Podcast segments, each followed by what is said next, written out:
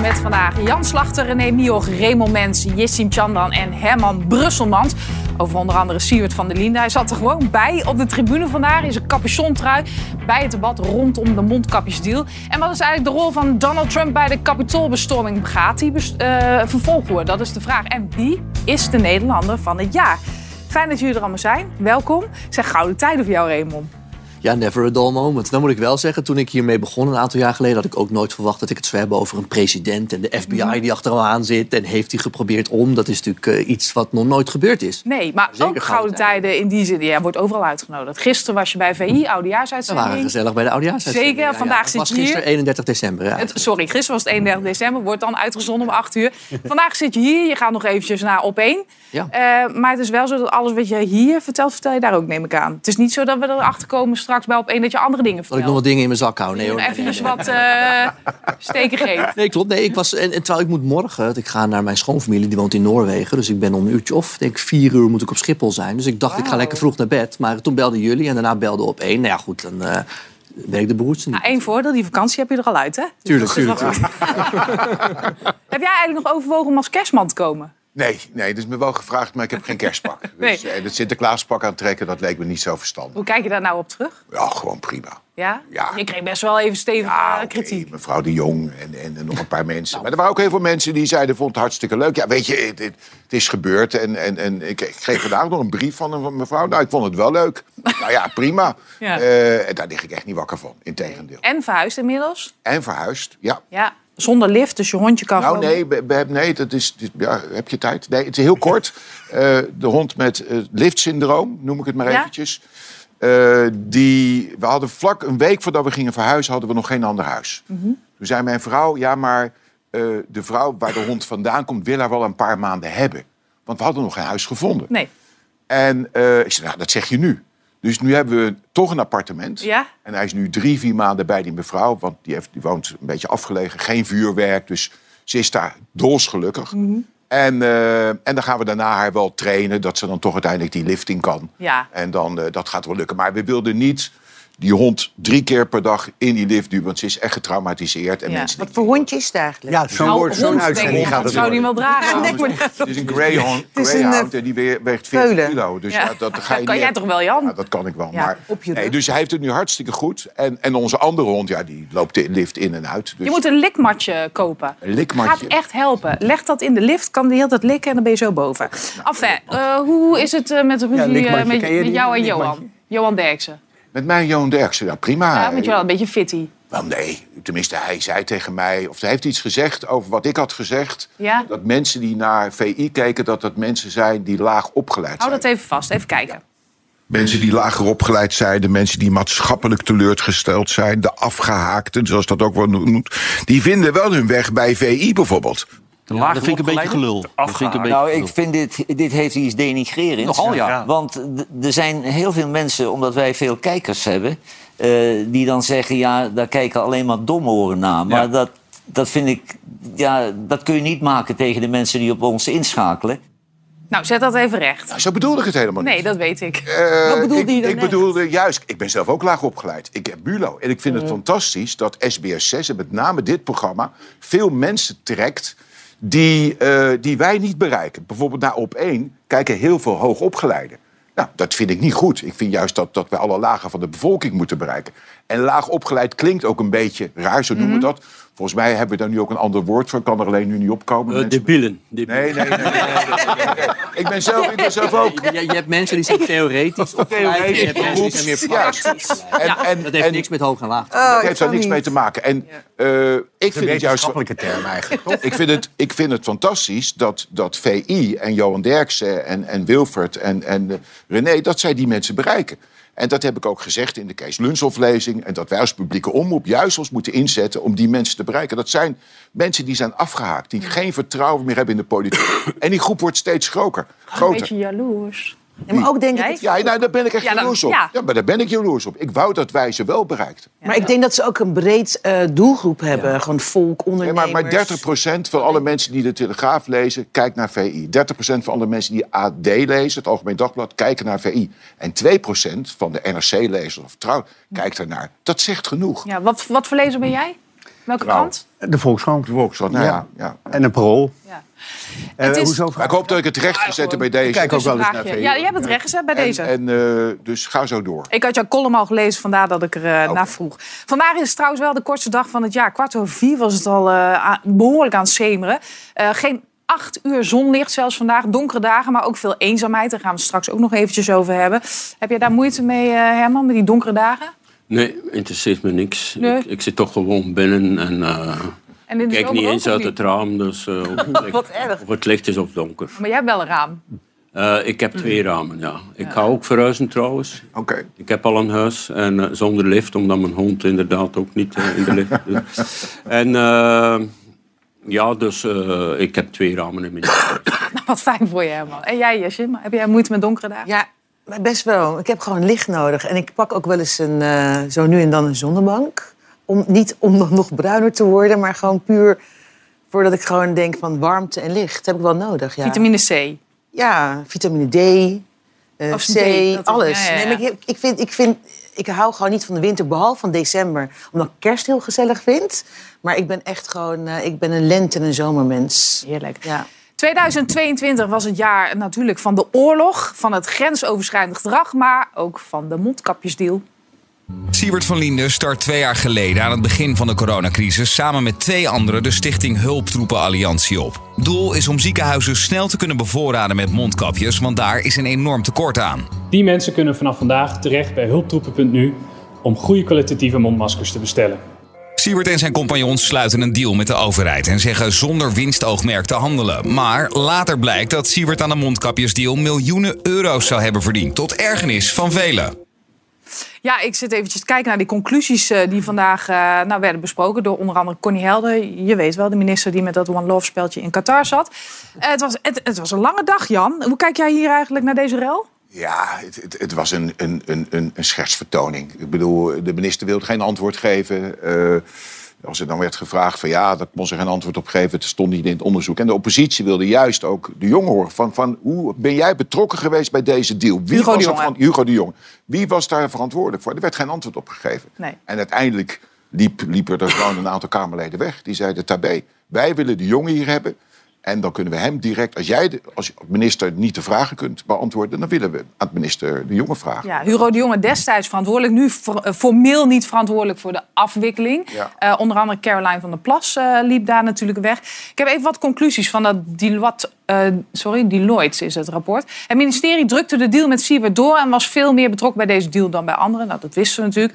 Van Linde en zijn partners oefenden forse druk uit op het ministerie van Volksgezondheid. En Siebert en partners hebben geen volledige inzage gegeven in de documenten rondom de mondkapjesdeal. Vond je het eh, van lef getuigen, Raymond, dat hij daar zat op de tribune? Of dacht je, nou, wat raar? Nou, niet van lef getuigen. Hij kan denk ik niet heel veel anders. Kijk, eh, je kan uiteindelijk, eh, want hij zit natuurlijk eh, op zich op een lekkere zak geld, maar ook met een enorm probleem, want hij wordt door iedereen uitgekotst. En dat kan hij maar op één manier terugdraaien, door al het geld terug te geven. Maar er is nu al te laat voor, kunnen we ook heel lang over praten. Gaat hij ook niet doen. Nou, dan heb je nog twee opties over. Of je gaat naar Timbuktu verhuizen en je laat nooit meer van je horen. Ja, of, en dat is dan de optie die ik zou adviseren, ga er dan maar zitten en neem dan de vlucht naar voren. En laat zien dat je er bent en laat zien dat je het er niet mee eens bent. En verdedig jezelf. En dat is wat hij nu doet. En ik denk dat als je niet dat geld terug wil geven, en dat wil hij niet, ja, dan is dit de enige optie. Of je moet je thuis opsluiten en nooit meer naar buiten komen. Maar ik had dat niet geadviseerd. Ik vind niet kunnen dat, dat je daar zit. Maar Want de andere optie is dat hij dan nooit meer de deur uit. Weet je wat, wat ik bedoel? Dan heb je gewoon echt geen geweten. Je hebt gewoon echt geen geweten. Nee, maar dat wisten we al. Ja, maar dat je daar zit. Ik denk, kijk, hij is zeker niet de Nederlander van het jaar. Eh, Ik bedoel, dat, dat, en dan, als je daar zit. benoemen.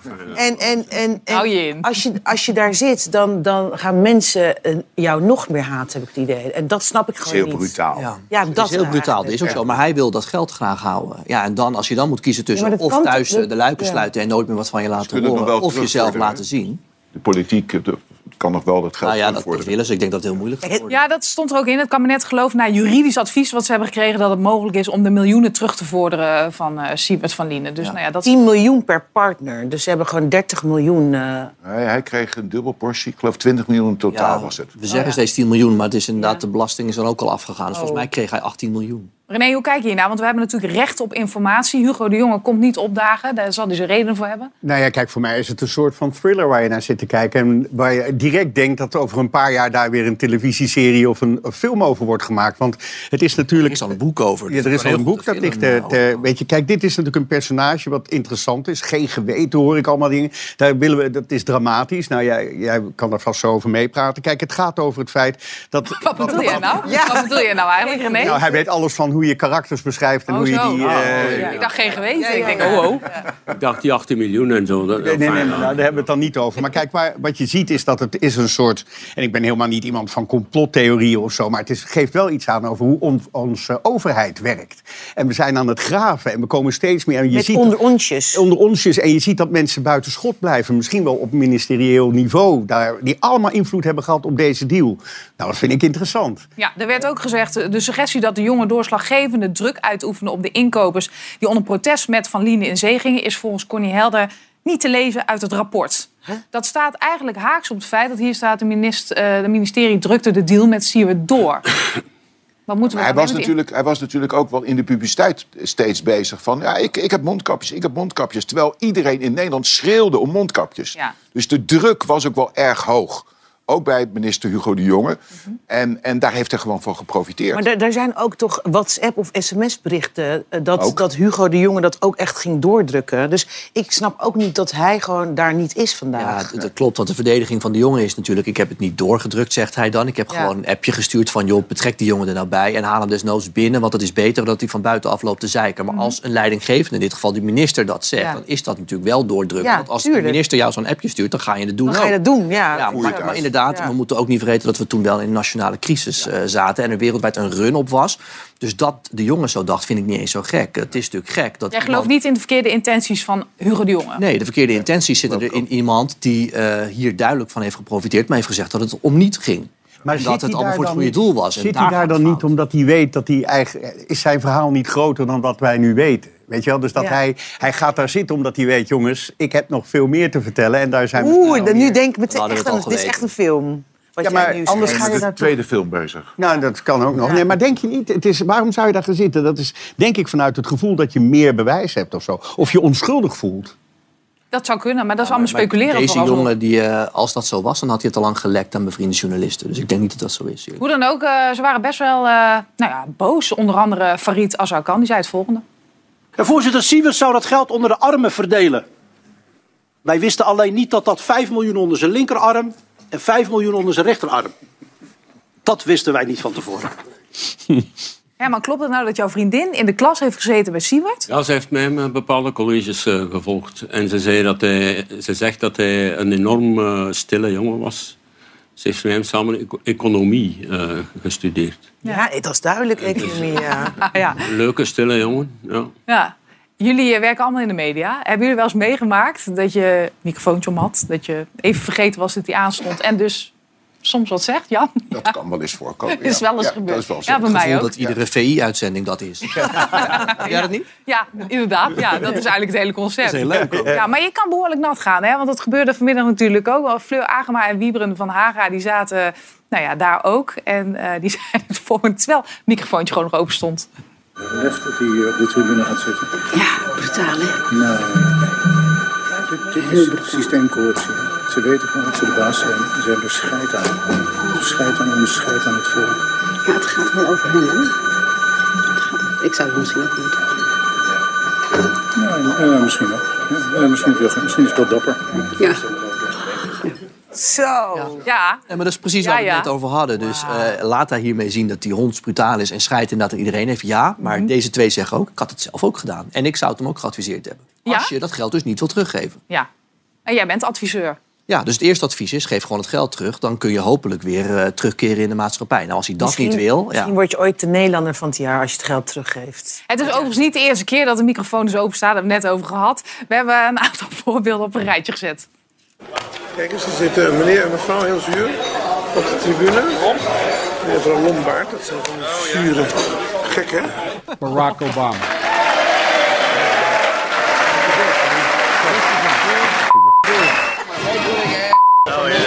Mr. Lunchman. So stick it up your ass. Vietnam. Hunt down the black people on those faith base. Ja, oh, ik krijg er helemaal warm van. Ja, het zal je gebeuren. Dan is op de wc zitten met een microfoontje nog eh, het minst erg. Eh Herman, ik begreep dat ze in België ook volop bezig zijn met de verkiezing Belg van het jaar. Zit jij daartussen?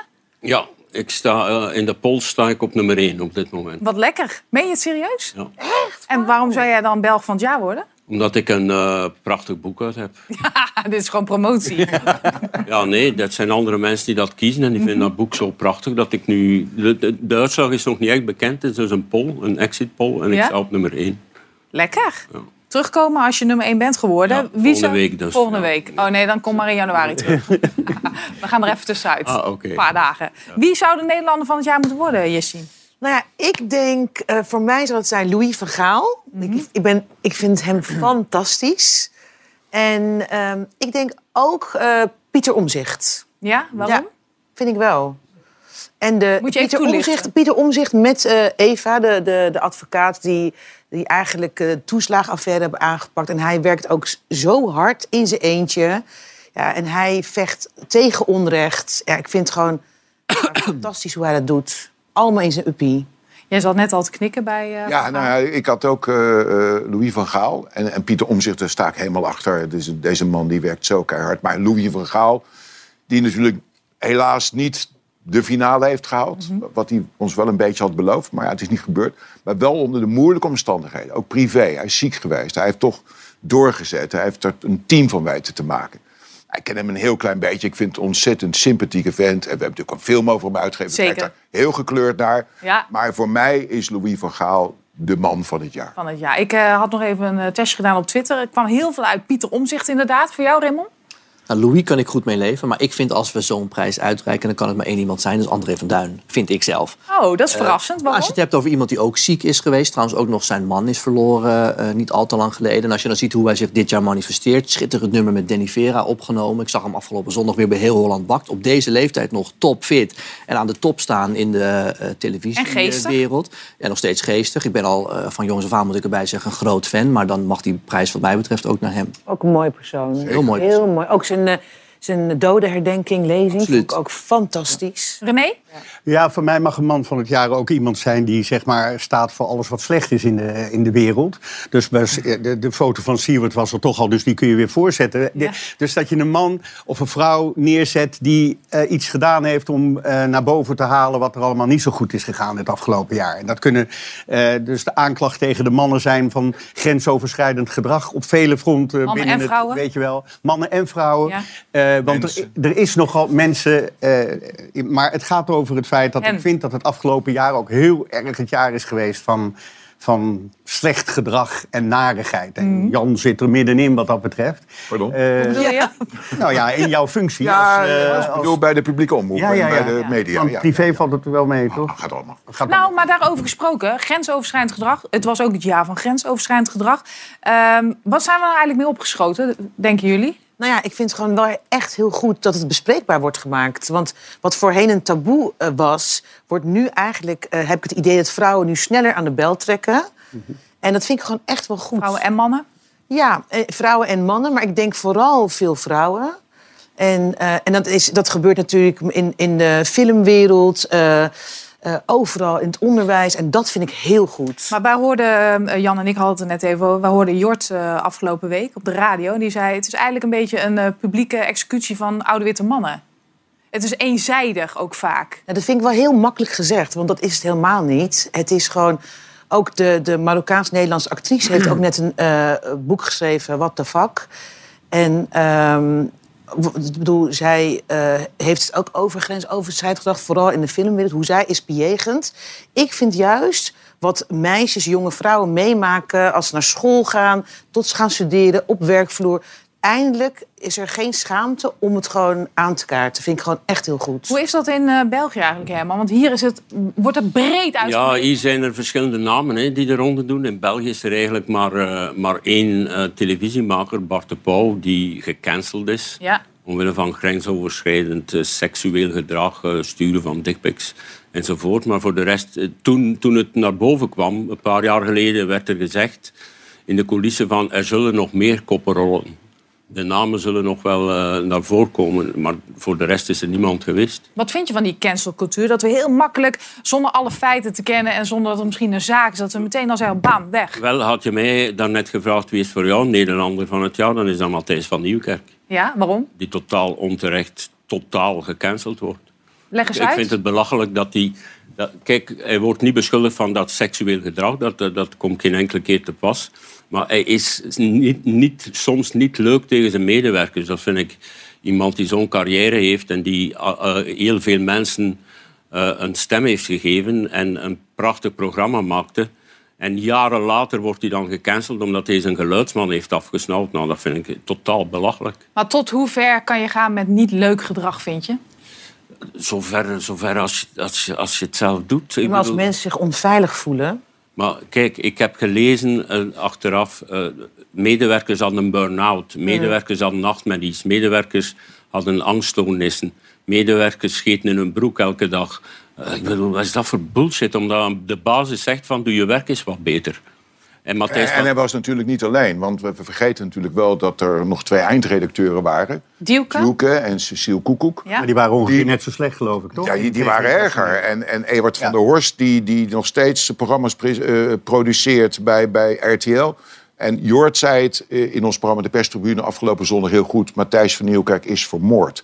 En op basis van één artikel... Ja, en natuurlijk laten we het onderzoek afwachten. Maar wij hebben gewoon geen tijd om een onderzoek af te wachten. We veroordelen iemand gelijk. Hij wordt, hij wordt volledig met de grond gelijk gemaakt. En laten we het onderzoek afwachten. Maar wat ik wel vind, En jij zegt... hetzelfde maar- geldt ook voor Frans Klein. Daar wordt precies hetzelfde mee gedaan. Maar dat is een vriend van jou. Nee, het is een vriend van mij. Ja, dat, mag ik, dat, dat, dat is ook zo. Ik bel hem iedere dag. Maar kan je dan eh onbevooroordeeld... Maar een vriend in die zin, ik ben nog nooit op zijn verjaardag geweest. Eh, eh, nee, nee, ja, nee, maar bijvoorbeeld, het is meer een, een, een, een, goede collega van me. Weet je wel? En op die manier gingen wij met elkaar om. Maar dat hoef je niet te verantwoorden. Maar wel kun je dan nog onbevooroordeeld naar iemand kijken. Jawel, omdat ik het verhaal ken. Weet je, ik weet gewoon hoe het is Ja, gegaan. maar zeg je dan daarmee dat al die eigenlijk zo- 70 eh, mensen die in de Volkskrant hun verhaal hebben gedaan... Ja, dat die maar... Nee, er hebben er 50 hebben er een, een verhaal gedaan en daar doe ik niks aan af. Mhm. Uiteindelijk zijn er vier verhalen in de krant gekomen, waarvan er twee al excuses voor was aangeboden. Onder andere die geluidsman, die zei van ja, maar het is allemaal al geregeld. Dus bleven er twee over. Maar laten we dan eerst eens een keer kijken van wat is nou werkelijk gebeurd. Maar Jan, denk jij dat, eh, daar ben ik benieuwd naar, dat Matthijs van Nieuwkerk... want we hebben natuurlijk een lange lijst het afgelopen jaar van mensen die gecanceld zijn. Denk je dat hij echt gecanceld is? Want ik zie voor hem er wel Tuurlijk om terug te komen. Nou, nou ja, ik hoop het van wel. Gist- Gisteren was ik enorm Ik denk het pissig wel, hoor. toen bij Op 1 zit Leo Blokhuis. Weet Ja. je wel? Die samen met Matthijs Ja, een programma, programma heeft gemaakt 2000, heeft, die Top 2000 quiz. Nu doet hij dat met Herman van der Zande. Er wordt hem de vraag gesteld. En hoe ging dat, die samenwerking met Herman van der Zande? Fantastisch. Nou, dat vind ik weer een, een mes in de Ben rug van, van, van. Matthijs van Ben Nieuwkerk. ik helemaal met je eens. Zeg dan, eh, het is jammer dat hij met Matthijs is, maar goed, Van der Zande is ook oké. Maar Wat nee, ik wel fantastisch. Wat ik wel vind is het feit van dat eh, je moet toch constateren dat er heel veel dingen niet goed gaan in de samenwerking tussen mensen.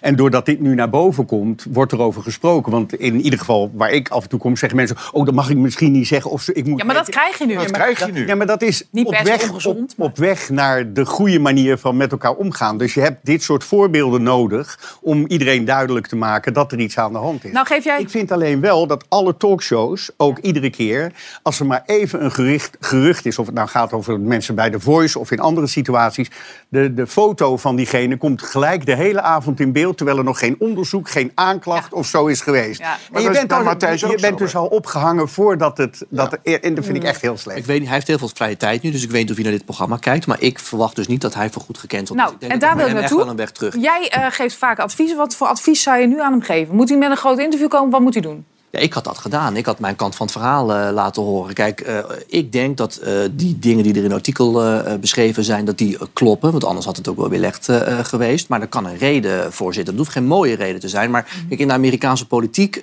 Bill Clinton is daar een goed voorbeeld van. Is het heel populair om gewoon echt door de knieën te gaan. Je excuses te maken.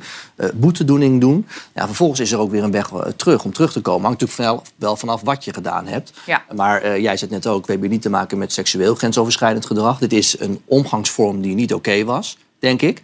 Eh, maar dat wil niet zeggen dat hij, denk ik, voor Ik altijd denk gecanceld dat is, dat, hoor. dat dat interview er wel gaat komen. Dat denk ik ook. Weet jij meer, Jan? Nee, nee, nee, maar dat vermoed ik van wel. Dat Maar dit laat ook wel zien voor mij. Ik bedoel, ik begrijp dat jullie allemaal vinden van eh, hij, iedereen wordt te snel gecanceld. Maar dit laat ook wel voor iedereen mij. wordt te snel gecanceld. Dit laat wel ook voor mij zien dat echt eigenlijk niemand onaantastbaar is. En dat vind en ik. dat is oké, Ja. nee, maar dat, dat is gewoon ook wel dat we ook kritisch naar iemand kunnen kijken hoe iemand werkt. Ja, ook al ben je gewoon zo'n succesmodel. Ja, maar anderzijds, als je iedere baas die is onvriendelijk is tegen zijn personeel buiten gooit, dan blijven er geen, geen bazen meer over.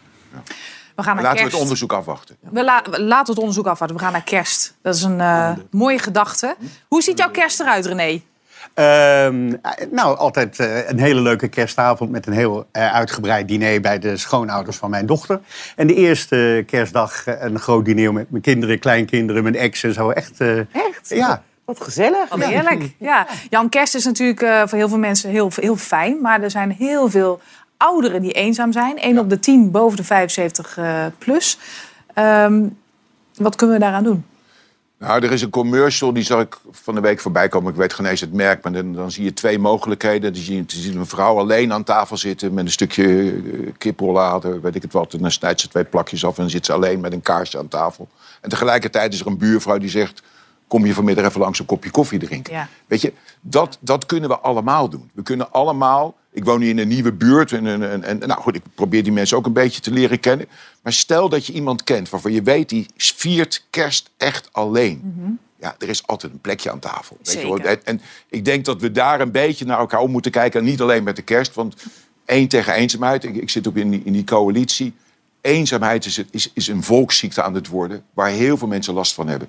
En je ziet het met name in de grote steden.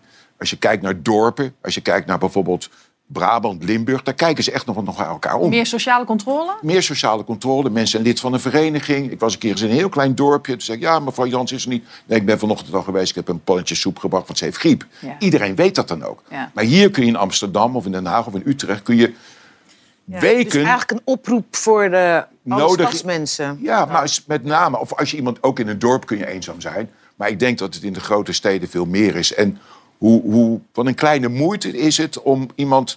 Je hoeft, hem, niet- hij hoeft niet te blijven slapen, maar, maar om hem uit te nodigen. Mhm. Ja, om gewoon te even zeggen gezelligheid. van gezelligheid. En, Oh, je en- zegt het, Jan, hij hoeft niet te blijven slapen, maar die men- je nodigt die mensen dan uit op eh, kerstavond of kerstdag. En die eten wat mee en dan is dat weer hè.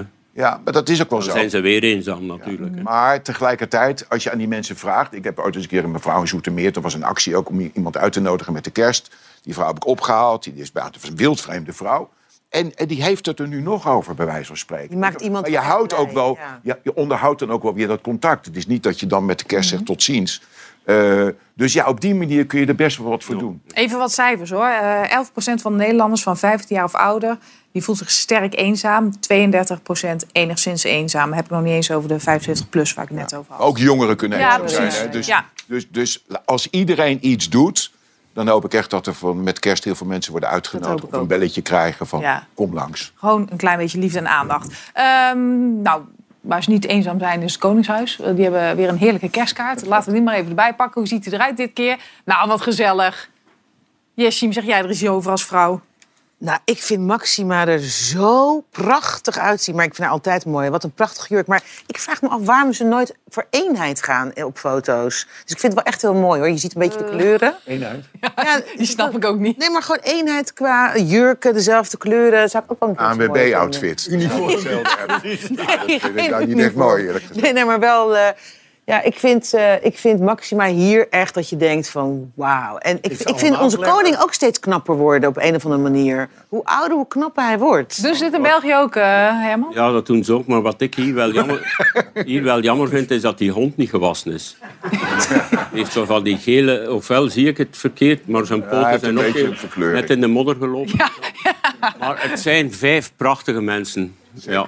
Hartstikke goed. Ja, en ik zou een date willen met die linkse. Amalia is dat, geloof ik. Eh, mocht die eenzaam zijn, die mag bij, bij mij en mijn vriendin komen. Nou, Herman. En je hebt net een nieuw huis, dus plaats genoeg. Plaats genoeg. Twee Hartstikke ramen, goed. dus het komt helemaal goed. Je- Jongens, de kogel is door de kerk. Trump moet zijn belastingaangifte openbaar maken. Waarom is dat eigenlijk belangrijk, Raymond? Nou, het is belangrijk omdat Trump dat zelf niet wil. Eh, en de Democraten hebben gezegd, wij willen die papieren hebben. Die hebben ze uiteindelijk ook via een hele lange juridische procedure gekregen. En nou, dat zijn de Democraten. Dus dat, is natuurlijk de Democratische Partij. Dus is de partij die vaak tegenover Trump staat. En die hebben dus ook die eh, documenten eh, naar buiten gebracht. En dat blijkt in feite uit dat Trump vrij weinig belasting betaalt. Is denk ik niet erg nieuw. Want Trump zegt al jaren dat als hij er onderuit kan komen om belasting te betalen, dan doet hij dat ook. Ja, ja, wie niet? Heel veel kiezers waarderen dat ook, dat hij daar heel eerlijk in is. Eh, en het laat ook zien dat hij soms enorme verliezen leidt. En dat weten we ook al. Hij heeft natuurlijk een enorm succesvol bedrijf. Maar heel vaak is dat bedrijf ook niet succesvol. Ja. Dus ik zie er eigenlijk weinig nieuws in, in die papieren. Weinig nieuws, maar heeft consequenties.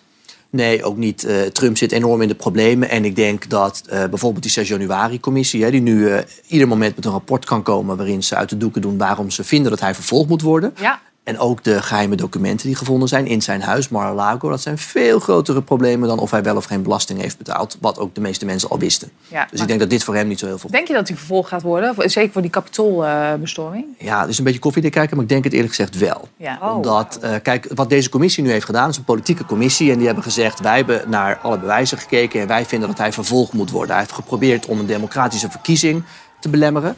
En hij heeft eigenlijk geprobeerd om nou, bijna landverraad te plegen. Daar komt het eigenlijk op neer. Het is niet echt de juridische te- term, maar dat is wat ze zeggen. En dat rapport wat vandaag verschijnt, het is honderden pagina's. En daar staat dan precies in waar hij van wordt verdacht. En ook welke mensen om hem heen nog meer. Maar het blijft een politieke commissie. Dus als die conclusies daar liggen, dan gebeurt er voor Trump eigenlijk niet zo heel veel. Maar ze voeren daarmee wel de politieke druk op aan de minister van Justitie, die zelf ook moet kijken. Want die zijn ook met een echt een strafrechtelijk onderzoek bezig van moet er een vervolging komen.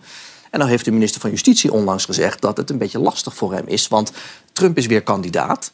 En als minister werkt hij voor iemand die mogelijk zijn tegenstander is, namelijk Joe Biden, Ja. die ook alweer heeft gezegd: Ik denk dat ik weer mee ga doen. Dus die minister heeft Kan gezegd. toch niet? Ja, dus die minister Dan heeft is hij? gezegd. Dan is hij eh, 90? twee- 86? 283, Oh. eh, ja. En die minister heeft gezegd, mijn baas wil dus weer meedoen. Trump daagt hem weer uit, dus ik kan me hier eigenlijk niet tegenaan bemoeien. Dus wat heeft hij gedaan? Hij heeft iemand gebeld in Den Haag, die bij het internationaal strafhof zit. Ja? En hij heeft gezegd, jij neemt dit nu van mij over. Dus ik bemoei me er niet mee, jij gaat hier nu naar slim. kijken. Slim, hè? Eh, en ik denk dat is inderdaad heel slim, want dan eh, is het echt een onafhankelijk iemand die daar naar kijkt. Iemand die ook gewend is om met moeilijke zaken bezig te zijn, oorlogsmisdadigers. Ik denk dat Trump daar niet heel blij van wordt.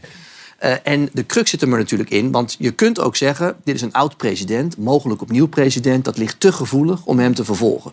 Maar het probleem is dat als je echt vindt dat hij heeft geprobeerd om de democratie omver te werpen, ja, dan doet hij dat mogelijk ook opnieuw. Want hij is weer kandidaat en hij zegt nog steeds dat die verkiezingen niet eerlijk zijn verlopen. Dus dan denk ik dat je niet anders kan dan hem te gaan vervolgen. Wel lekker dat, je hier pas- zoveel tijd krijgt. Hè, Ja, leuk, hè? Ja, ja, niemand die zegt dat ik moet maar, gisteren zaten we dus bij. Dus toen zei hij drie zinnen. Toen moest je alweer ophouden. Maar ga je dit nou straks ook allemaal vertellen bij die show die duurde twee uur, maar die- nog bijna niks. Hè? Ja. Maar ik En ben die wel een goed vrouw. Ja, het wordt niet. Hang aan je lippen. Maar Raymond, ga je dit vanavond allemaal bij op één ook nog een keertje halen? Nou, ik hoop dat in de tussentijd dat rapport uitkomt. Dat verwacht ik ieder moment. En dan kan ik daar wat meer over hou ons even op de hoogte dadelijk. ik heb een Misschien telefoon gebeurt het tijdens deze uitzending. Eh, straks, nou straks zometeen de krakkemikkige staat van de Nederlandse politieauto's... en de nieuwe film van Whitney Houston. Tot zo.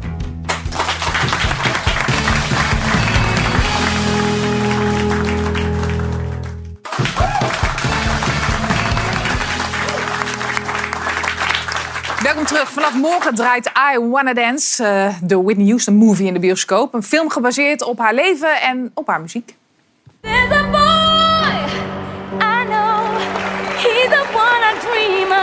What's your name again? Whitney Elizabeth Houston. Wait, no, it's on. It's on. Listen. He really loves me. A common criticism of you, your music isn't black enough. Look, I don't know how to sing black and I don't know how to sing white either. I know how to sing.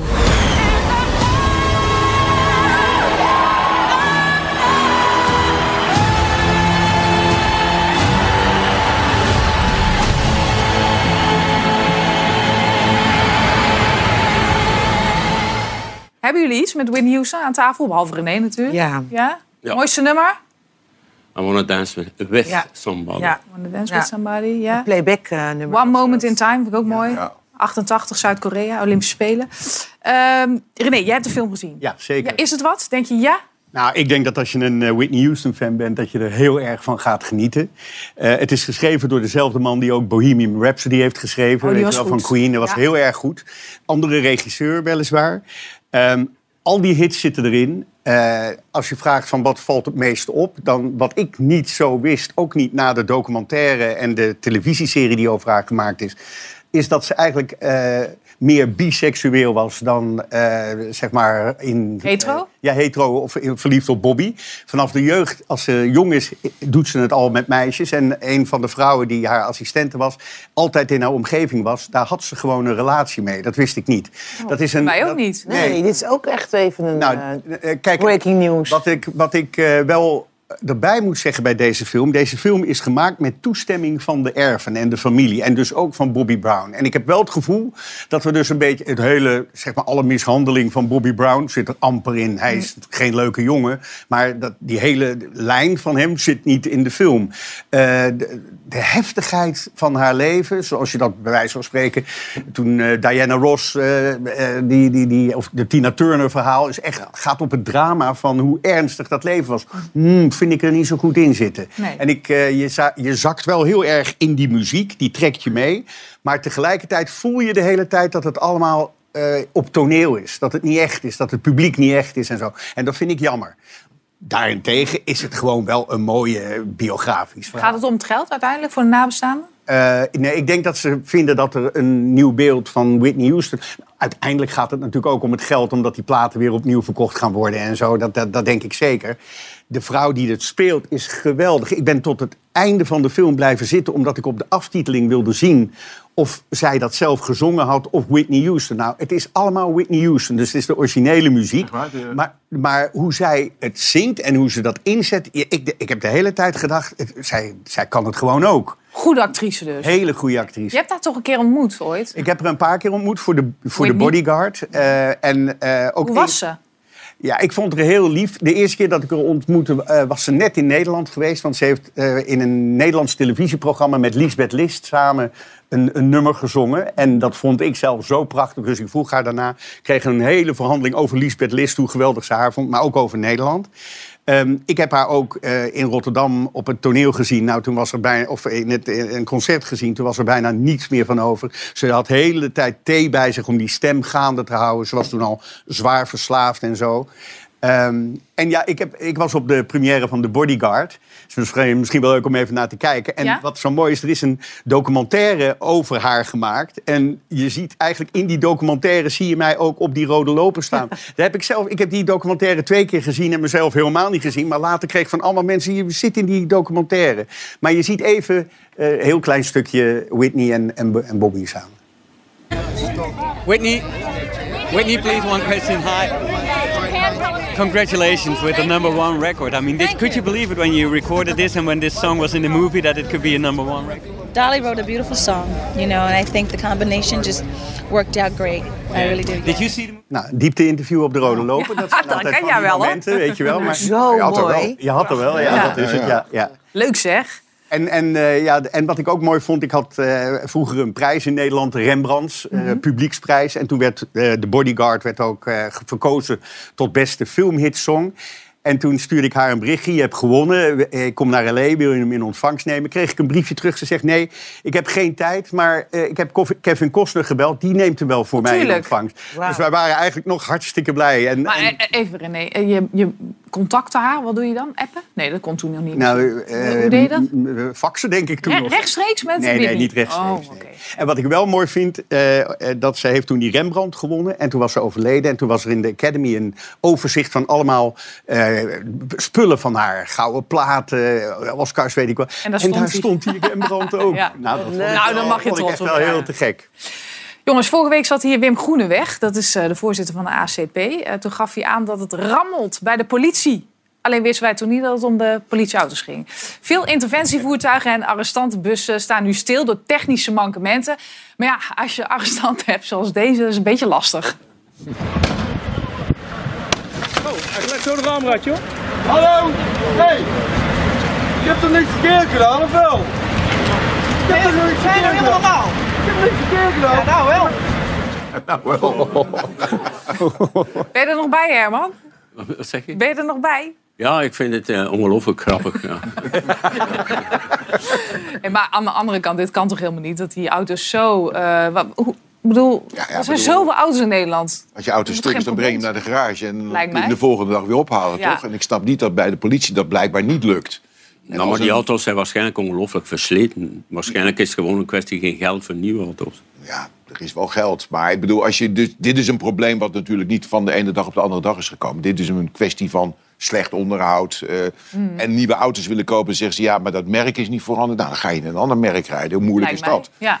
Ik vind het wel een beetje een raar verhaal. Ja, aan de andere kant ook wel zorgwekkend dat dit allemaal speelt. Want eerder zei ze ook al, we hebben te weinig politiemensen op straat. Er is nu tekort aan eh, politiemensen. Straks zonder publiek eredivisiewedstrijden. Dat, dat is het slechtste idee wat er is. Maar of is het gewoon eh, even een strategie om, eh, om even de mensen wakker te schudden? Van hallo jongens, door de politiebond. Wat denken jullie? Nou ja, dat zou kunnen. Ik bedoel, eh, kijk, het feit dat, dat, dat Dit is nu ook wel nieuws- eh, bijzonder trouwens. Dat nu net... Oh nee, dat is een ziekenwagen, sorry jongens. Oh nee, Dat is net gekomen, ze hebben het gehoord. Dat je ingehuurd. Ja. Je had gebeld. Ja.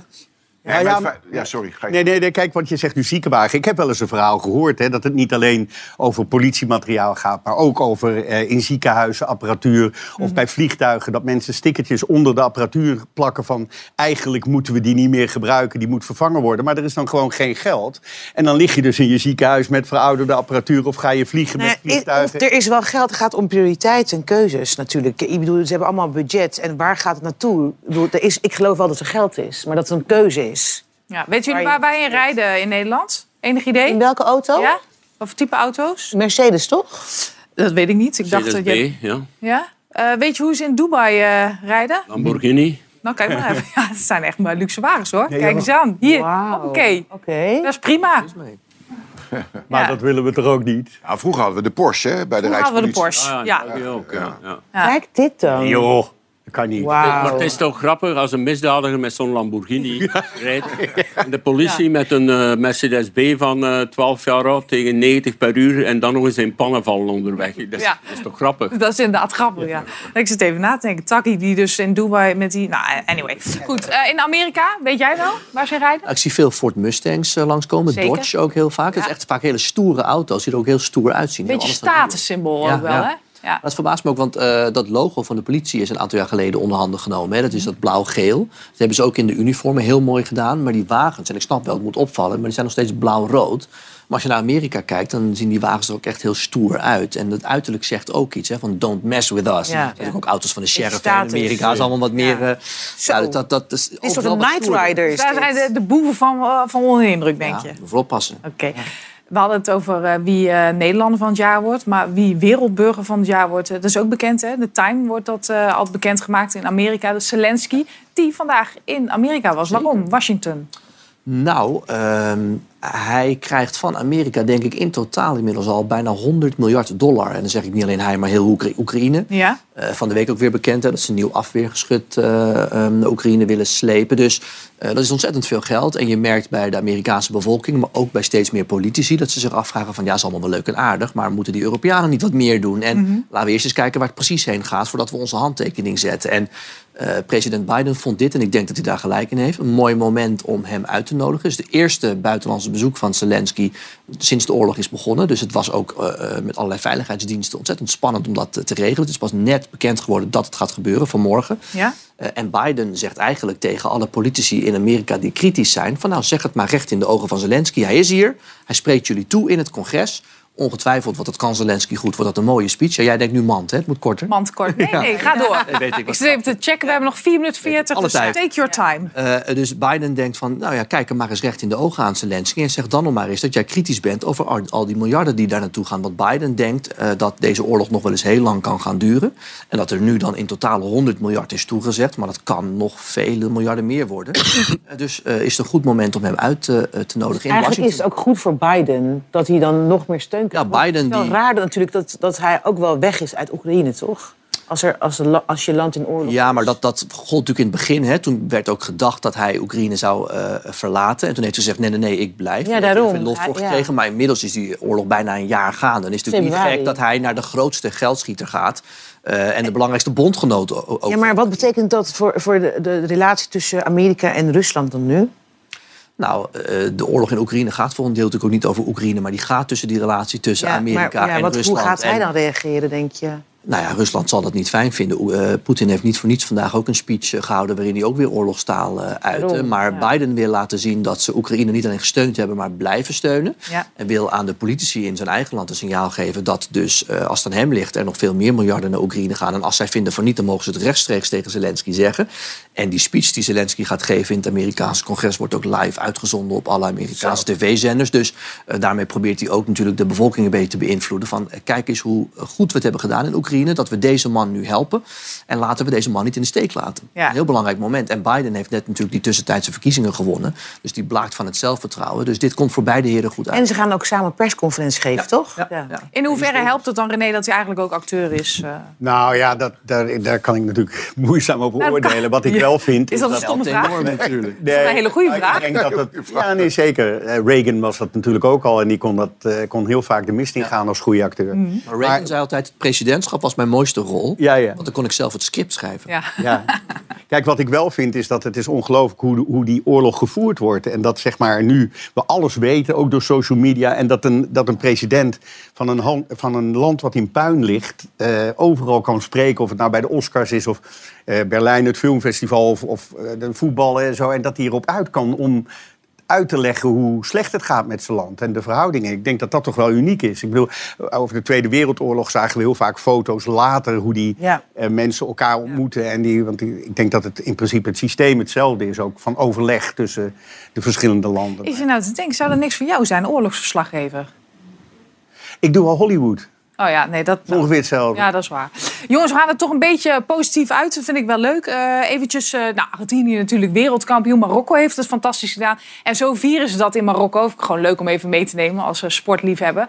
Kijk, de Marokkaanse selectie wordt feestelijk onthaald daar in de hoofdstad Rabat. Helaas geen eh, podiumplaats, om maar zo te zeggen. Hoewel eh, derde, vierde plaats, dat maakt dan niet zo heel veel meer uit hè, voor die sporters. Maar ze hebben natuurlijk wel echt iets weggezet eh, daar in het land. Is Supergaaf. Behoorlijk veel teweeg gebracht. Eh, en datzelfde geldt natuurlijk voor Argentinië. Wat is daar allemaal aan de hand? Die vieren gewoon nog een heel jaar feest, denk ik. Dat ziet er dan zo uit. Messi en Co daar op de platte kar. Zij denken, oh, kom er ook nog even bij. Ja. ja, zo gaat het met feesten. Wow. Had, je, Oh, nee. had je genoten, Jan, van de finale? Ja, ja, ja, dit mooi, was hè? in mijn ogen denk ik wel de mooiste WK-finale die we ooit hebben gezien. Toen 2-0 was dat iedereen zoiets, nou, ik ga de hond uitlaten. Een nieuwe religie, denk je? Ja, ik Ja. zit naar die mensenmassa te Oh ja, ja, ja 4, 5 miljoen mensen waren op de been. Dus nee, dit was een prachtige finale. En ja, ik, ik had wel gehoopt dat, dat, dat, dat eh, eh, Frankrijk zou winnen. Mhm. Eh, maar goed, Argentinië ook prima. Maar 4, 5. zij worden met bussen rondgereden en de, de, is, is het waar? Ik heb horen zeggen dat de Nederlandse selectie met auto's van de politie is rondgereden, maar dat ze niet ver geraakt zijn. Ja, daarom hebben ze het maar opgegeven, dat hele WK. Maar we gaan gewoon weer lekker verder onder Ronald Koeman met de nieuwe bondscoach. Jongens, allemaal bedankt voor jullie komst. Veel plezier bij op één zo meteen. En eh, voor mij zit het erop. Ik ben er volgend jaar weer. Leonie is er met Fred Teven en Carolien Borgs. En voor nu hele fijne kerstdagen en een hartstikke gezond nieuw jaar. Dank jullie wel. Bye.